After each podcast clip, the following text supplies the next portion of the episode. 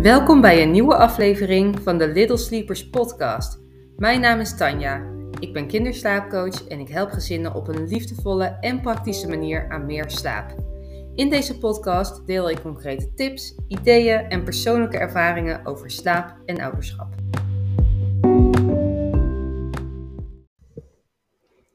Wat leuk dat je luistert naar weer een nieuwe podcast. Je luistert deze podcast waarschijnlijk als je kindje regelmatig ontroostbaar is bij het slapen. Of dat je kindje af en toe huilt en dat je eigenlijk niet zo goed weet hoe je daarmee om kan gaan. Nou, in deze podcast ga ik je wat meer vertellen over de verschillende manieren om je kindje te troosten. En wellicht volg je, me al op Instagram, dat is Tanja laagstreepje Little Sleepers. En heb je al iets gelezen over die drie verschillende manieren. Uh, en ik ga je in deze podcast daar dus wat meer over vertellen. Nou, ik wil eigenlijk even beginnen met dat onrust en huilen allerlei oorzaken kan hebben bij een kind. En denk dan bijvoorbeeld aan iets in het ritme, zoals oververmoeid zijn of niet moe genoeg zijn, uh, overprikkeld zijn. Uh, maar ook fysieke prikkels, zoals pijn, krampjes, uh, kou, honger. Um, en daarnaast natuurlijk, en als dat speelt, zit je hier zeker goed, allerlei slaapassociaties. Bijvoorbeeld dat je kindje gewend is om gevoed te worden en zo in slaap te vallen. Uh, of met beweging, zoals in een kinderwagen of draagzak, of in je armen in slaap te vallen. Of met jouw nabijheid in je armen of in bed. Nou, dat zijn eigenlijk met name de dingen die je met een slaapmethode of een troostmethode graag zou willen ombuigen naar iets anders. Maar ook als je eigenlijk het idee hebt van alles klopt, qua ritme zit het goed, mijn kindje heeft een fijne basis, qua pijn of honger kan er niks spelen, dan kan het goed zijn om te zeggen, hé, hey, ik ga toch met zo'n specifieke uh, manier van troosten aan de gang, consistent, uh, om te kijken of dat wat verandering gaat brengen. Maar voordat je dat doet, denk dus na, hey, zou er ergens anders nog een oorzaak kunnen zitten voor de onrust? Want als die er is, ja, dan kan je doen wat je wil, maar dan is het heel lastig om jouw kindje te troosten. Nou, er zijn grofweg eigenlijk drie manieren waarop je je kindje zou kunnen troosten. De eerste is troosten met fysiek contact, de tweede is troosten met alleen je nabijheid en de derde is troosten op afstand. En ik ga ze alle drie even met je doornemen. De eerste is troosten met fysiek contact. En dit is met name als jouw kindje bijvoorbeeld een hele hevige slaapassociatie heeft met jou in de buurt of met contact of met beweging. Of als je kindje nog echt heel jong is, dus denk aan ergens tussen de 0 en de 6 maanden. Dat zijn eigenlijk allemaal voorwaarden waarin ik zou zeggen: hey, start in ieder geval de eerste dag met troosten, waarbij er ook een vorm van fysiek contact is. Nou, denk bijvoorbeeld aan je kindje vasthouden, je kindje oppakken, neerleggen, wiegen, aaien, een hand op je kindje leggen, voeden. Nou, het zijn natuurlijk allemaal dingen die je kan doen om je kindje te troosten, of die je nu wellicht ook al doet. En als je dat op dit moment doet, is het belangrijk om te gaan bepalen hoe je dat wellicht zou kunnen afbouwen. En realiseer je dat als je zoiets gaat afbouwen, dat het waarschijnlijk meer tijd kost in het begin en dat je uiteindelijk wat gaat opleveren. Dus heel vaak beginnen ouders daar mee en denken dan na 10 minuten: oh nee, dit werkt niet, of het is toch te onrustig, of mijn kindje kan dit niet aan. Maar realiseer je dat als je bijvoorbeeld van een situatie komt dat je kindje gewiegd wordt en je stopt ineens met het wiegen en houdt je kindje alleen stil vast, ja, dan zal dat wat onrust geven of kunnen geven. Hoeft niet, maar kan wel. Dus als je daarin stap voor stap wat minder fysiek contact uh, gaat toepassen, dan zal je zien dat je uiteindelijk daarmee rust weer terugkrijgt. Bijvoorbeeld, als je dus van een situatie kind, komt waarin je jouw kindje nu altijd wiegt, kijk dan eens of het lukt om jouw kindje alleen vast te houden en stil te blijven staan. Maar ook als je kindje wel in bed ligt, maar jij bijvoorbeeld altijd aan het wiebelen bent op, op, de, op het kontje. Of lekker met je vinger over het gezicht aan het aaien bent. Kijk dan eens of het ook lukt met alleen een platte hand op de rug of buik van je kindje. Gewoon stil, geen beweging, niet te veel prikkels en interactie. Gewoon heel simpel. En trek die hand dus ook weg als je kindje bijna in slaap valt. Als dat bijvoorbeeld lukt, dan is de volgende stap om gewoon zonder handen en alleen met zussen en nabijheid uh, te troosten. En dat is dus ook die tweede stap: troosten met nabijheid.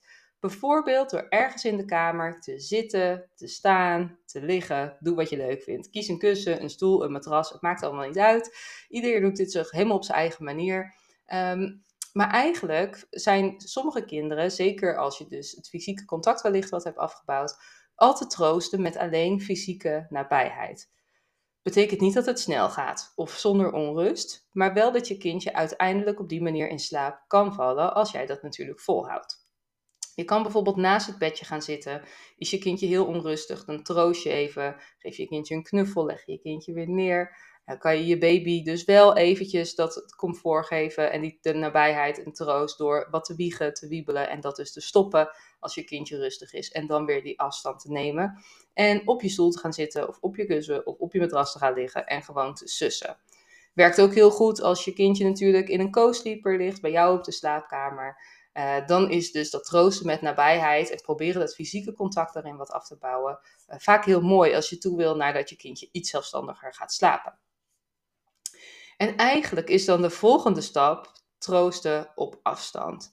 Uh, is ook een stap die je in één keer kan nemen vanuit bijvoorbeeld een hele fysieke associatie naar een, een stuk afstand met bijvoorbeeld een intervalmethode gecontroleerd laten huilen. Vind ik altijd een beetje een nare naam, maar zo wordt het nou eenmaal in Nederland veel genoemd. Um, om eigenlijk wat sneller bepaalde associaties af te bouwen. Het wordt soms gezien als een wat hardere methode. Uh, ik zou dat eerder omschrijven als duidelijker, omdat um, ja, hier heb ik meerdere podcasts over gemaakt. Maar in de praktijk zie je soms dat dat minder onrust geeft uh, als je het grote plaatje bekijkt dan wanneer uh, je er bijvoorbeeld nog heel intens bij blijft en dat heel langzaam probeert af te bouwen. Want ook dat geeft waarschijnlijk onrust en dan ben je er nog langer mee bezig. Dus ja, een beetje het een of het ander. Uh, je weet nooit wat het beste werkt. Ik denk dat het goed is om daarin bij je gevoel te blijven en te kijken wat voor jouw kindje het beste is. Maar goed, op afstand troosten kan bijvoorbeeld door even in de deuropening te blijven staan, te sussen, um, weg te gaan en weer terug te komen. Uh, je kindje een dikke knuffel te geven, voor een paar minuten de kamer uit te gaan, weer naar binnen komen. En dat is wat ik bedoel met meer troosten op afstand. Als je merkt dat je kindje rustiger wordt of wat meer aan het reguleren uh, gaat, dan zou ik altijd zeggen: hou dan ook wat afstand. Um, dat maakt dat je uiteindelijk er sneller resultaat hebt richting echt zelfstandig slapen en het voorkomen van onrust op andere momenten. Dus wat je hierin ook kiest, hè, welke methode voor je werkt, is eigenlijk helemaal afhankelijk van enerzijds jouw ouderschapstijl en anderzijds het karakter van je kindje. Er is hier, wat mij betreft, echt geen goed of fout in. En binnen deze manieren zijn natuurlijk allerlei variaties te bedenken. Als je kijkt naar fysiek contact, hè, dan kan je het dus hebben over ofwel een platte hand ergens op, of een beetje wiebelen, of een beetje aaien, wel sussen, niet sussen, wel zingen, niet zingen. Uh, je hand op je kindje leggen, waar dan ook, voeden, wiegen, rondlopen. Nou, er zijn natuurlijk heel veel manieren. Hetzelfde geldt als je troost met je nabijheid. Je kan er heel erg op gefocust zijn om op je stoel te blijven zitten en echt te sussen en alleen je stem te gebruiken. Maar als je het fijn vindt om wel wat vaker naar het bedje te lopen, je kindje op te pakken, neer te leggen, een knuffel te geven, ook goed. Dat is super persoonlijk en hierin kan je dingen aanpassen op basis van de leeftijd van je kindje. Ik gaf het al aan, als je het hebt over troosten met fysiek contact, is iets wat ik zeker voor jonge baby's zou aanraden. Hoe ouder je kindje wordt, hoe meer afstand je daarin mag creëren. Hoeft niet, maar mag. Um, ook als je kijkt naar hoe de huidige situatie is, is dat heel bepalend voor wat je kiest voor type troost of slaapmethode. Dus komt jouw kindje nu van een hele gehevige associatie waarbij er samen geslapen wordt, meerdere keren per nacht gevoed wordt, en wil je dat veranderen naar zelfstandig slapen in eigen bed, ja, dan kan het fijn zijn om dan een methode te kiezen die eigenlijk wat meer bij de huidige situatie in de buurt ligt Bijvoorbeeld om te zeggen, dan is de overgang niet zo heftig en dat voelt voor iedereen goed en dan is de kans dat het rustig gaat heel groot. Uh, of juist te zeggen van, hé, hey, dat heb ik een keer geprobeerd, maar dan raakt mijn kindje dus dusdanig in paniek dat dat niet lukt. Kan ook een overweging zijn om te zeggen, oké, dan kies ik juist voor een methode met wat meer afstand, om ervoor te zorgen dat we nu echt verschil gaan krijgen. Wat ik bedoel, geen goed of fout. Maar je huidige situatie kan daarin wel heel bepalend zijn. Hetzelfde geldt, ik spreek ook regelmatig ouders die al een bepaalde methode met hun oudere kindje hebben ge, uh, gedaan. Uh, bijvoorbeeld de intervalmethode. Uh, dat ging toen goed, maar er was ook nog geen ander kind in huis die wakker kon worden. Nu is dat wel. Bij een jonger kindje bijvoorbeeld, dan hebben ze vaak de overweging van: hé, hey, we willen die methode eigenlijk wel proberen, want we hebben vaker gedaan, positieve ervaringen mee. Maar er zit twijfel van, hé, hey, wat doen we dus met het oudste kindje? Die kan er wakker van worden. En dan willen we dat gehuil dus eigenlijk niet. Als dat er natuurlijk komt, hè. Um, dus die huidige situatie, die kan super bepalend zijn waarom je voor een bepaalde manier of methode kiest. En het uiteindelijke doel is dat ook. Hè? Waar wil je naartoe? Wil je een deel afbouwen? Wil je nachtvoedingen verminderen? Wil je zelfstandig in slaap vallen oefenen? Wil je dat allemaal? Hoe snel wil je dat? Hoeveel energie heb je daar nog voor? Dat zijn allemaal afwegingen. Over het algemeen zie je dat met methodes met meer afstand het proces vaak sneller gaat, duidelijker is en met methodes met meer nabijheid dat het wat langer duurt, maar het huilen en de onrust minder hevig is. En dat is maar net ja, wat je eigenlijk zelf belangrijk vindt. En heb je het dus weer over ouderschapstijl, heb je het weer over karakter van je kindje en de verwachtingen daarbij. Stel dat je dus kiest voor een methode. Er zijn er allerlei op internet te vinden. In mijn e-books vind je ze. En als je met mijn 1 op 1 coaching traject aangaat, dan maken we altijd samen de keuze voor wat het beste past en werkt. Um, je bent nooit tot iets verplicht. Ik kan je het advies geven. Uh, ik leg je voor- en nadelen van allerlei methodes uit. Maar je kiest echt altijd zelf. Um, het is ook heel persoonlijk. Want wat ik zei, dit zijn grofweg die drie manieren. Maar je hebt daar dus allerlei variaties in in te brengen. Maar wanneer zo'n methode dus echt niet werkt, hè, als je gecommit hebt aan bijvoorbeeld de intervalmethode of ik blijf ernaast zitten net zolang tot mijn kindje slaapt en ik ga niet wiegen en ik ga niet voeden, uh, maar het lukt niet. Hè? Je bent daar een uur mee bezig, je, je hebt dat geprobeerd, een keer pauze houden, misschien nog wat langer proberen, maar het lukt niet. Dan is de kans groot dat je het ofwel niet vaak en lang genoeg probeert. Hè? Uh, want een, methode moet je echt wel een aantal dagen en meerdere keren per dag oefenen, wil het effect hebben. Of dat er iets anders speelt. En dan gaan we eigenlijk weer terug naar het begin van deze podcast. Dus dat er ergens onrust zit vanwege oververmoeidheid, niet moe genoeg zijn, pijn, krampjes, associaties, kou, honger, etc. En dan is het super belangrijk om eerst die oorzaak te achterhalen. Dus ofwel je te verdiepen in wat goed is op die leeftijd, een expert in te schakelen, daar eens navragen voor te doen, of daar een logboek voorbij te houden om te kijken, hé, hey, waar zitten misschien dingen die niet helemaal lekker zijn. En dat is wel echt ontzettend belangrijk, want dat geeft je vaak ook het vertrouwen om dus wel aan de gang te gaan met zo'n methode, om je kindje te troosten en onrust te verminderen.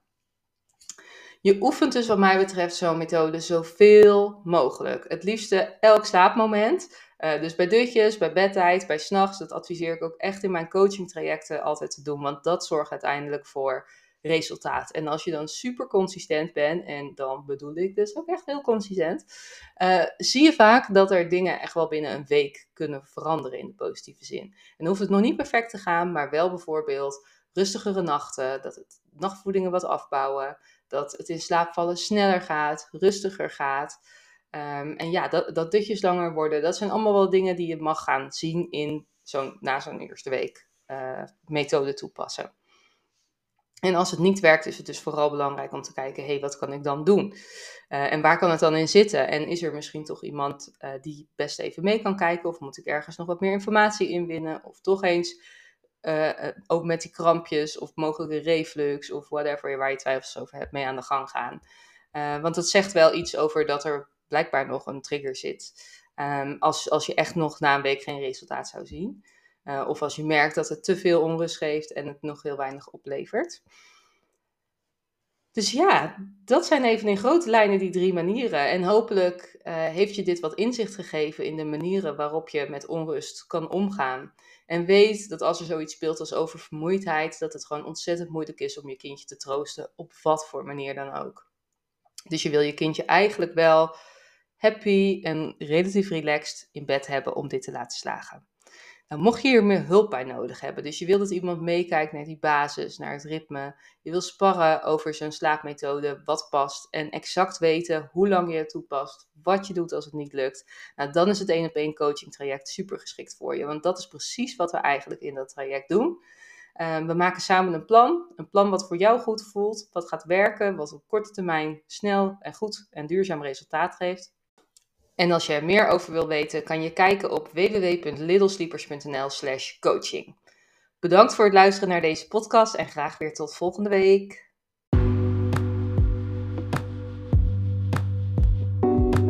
Onwijs bedankt voor het luisteren. Hopelijk heb je veel ideeën om meer rust en energie te creëren voor jouw gezin. Laat het me weten. Deel iets over deze podcast op social media of tip hem bij je vrienden. Graag tot de volgende keer bij de Little Sleepers podcast.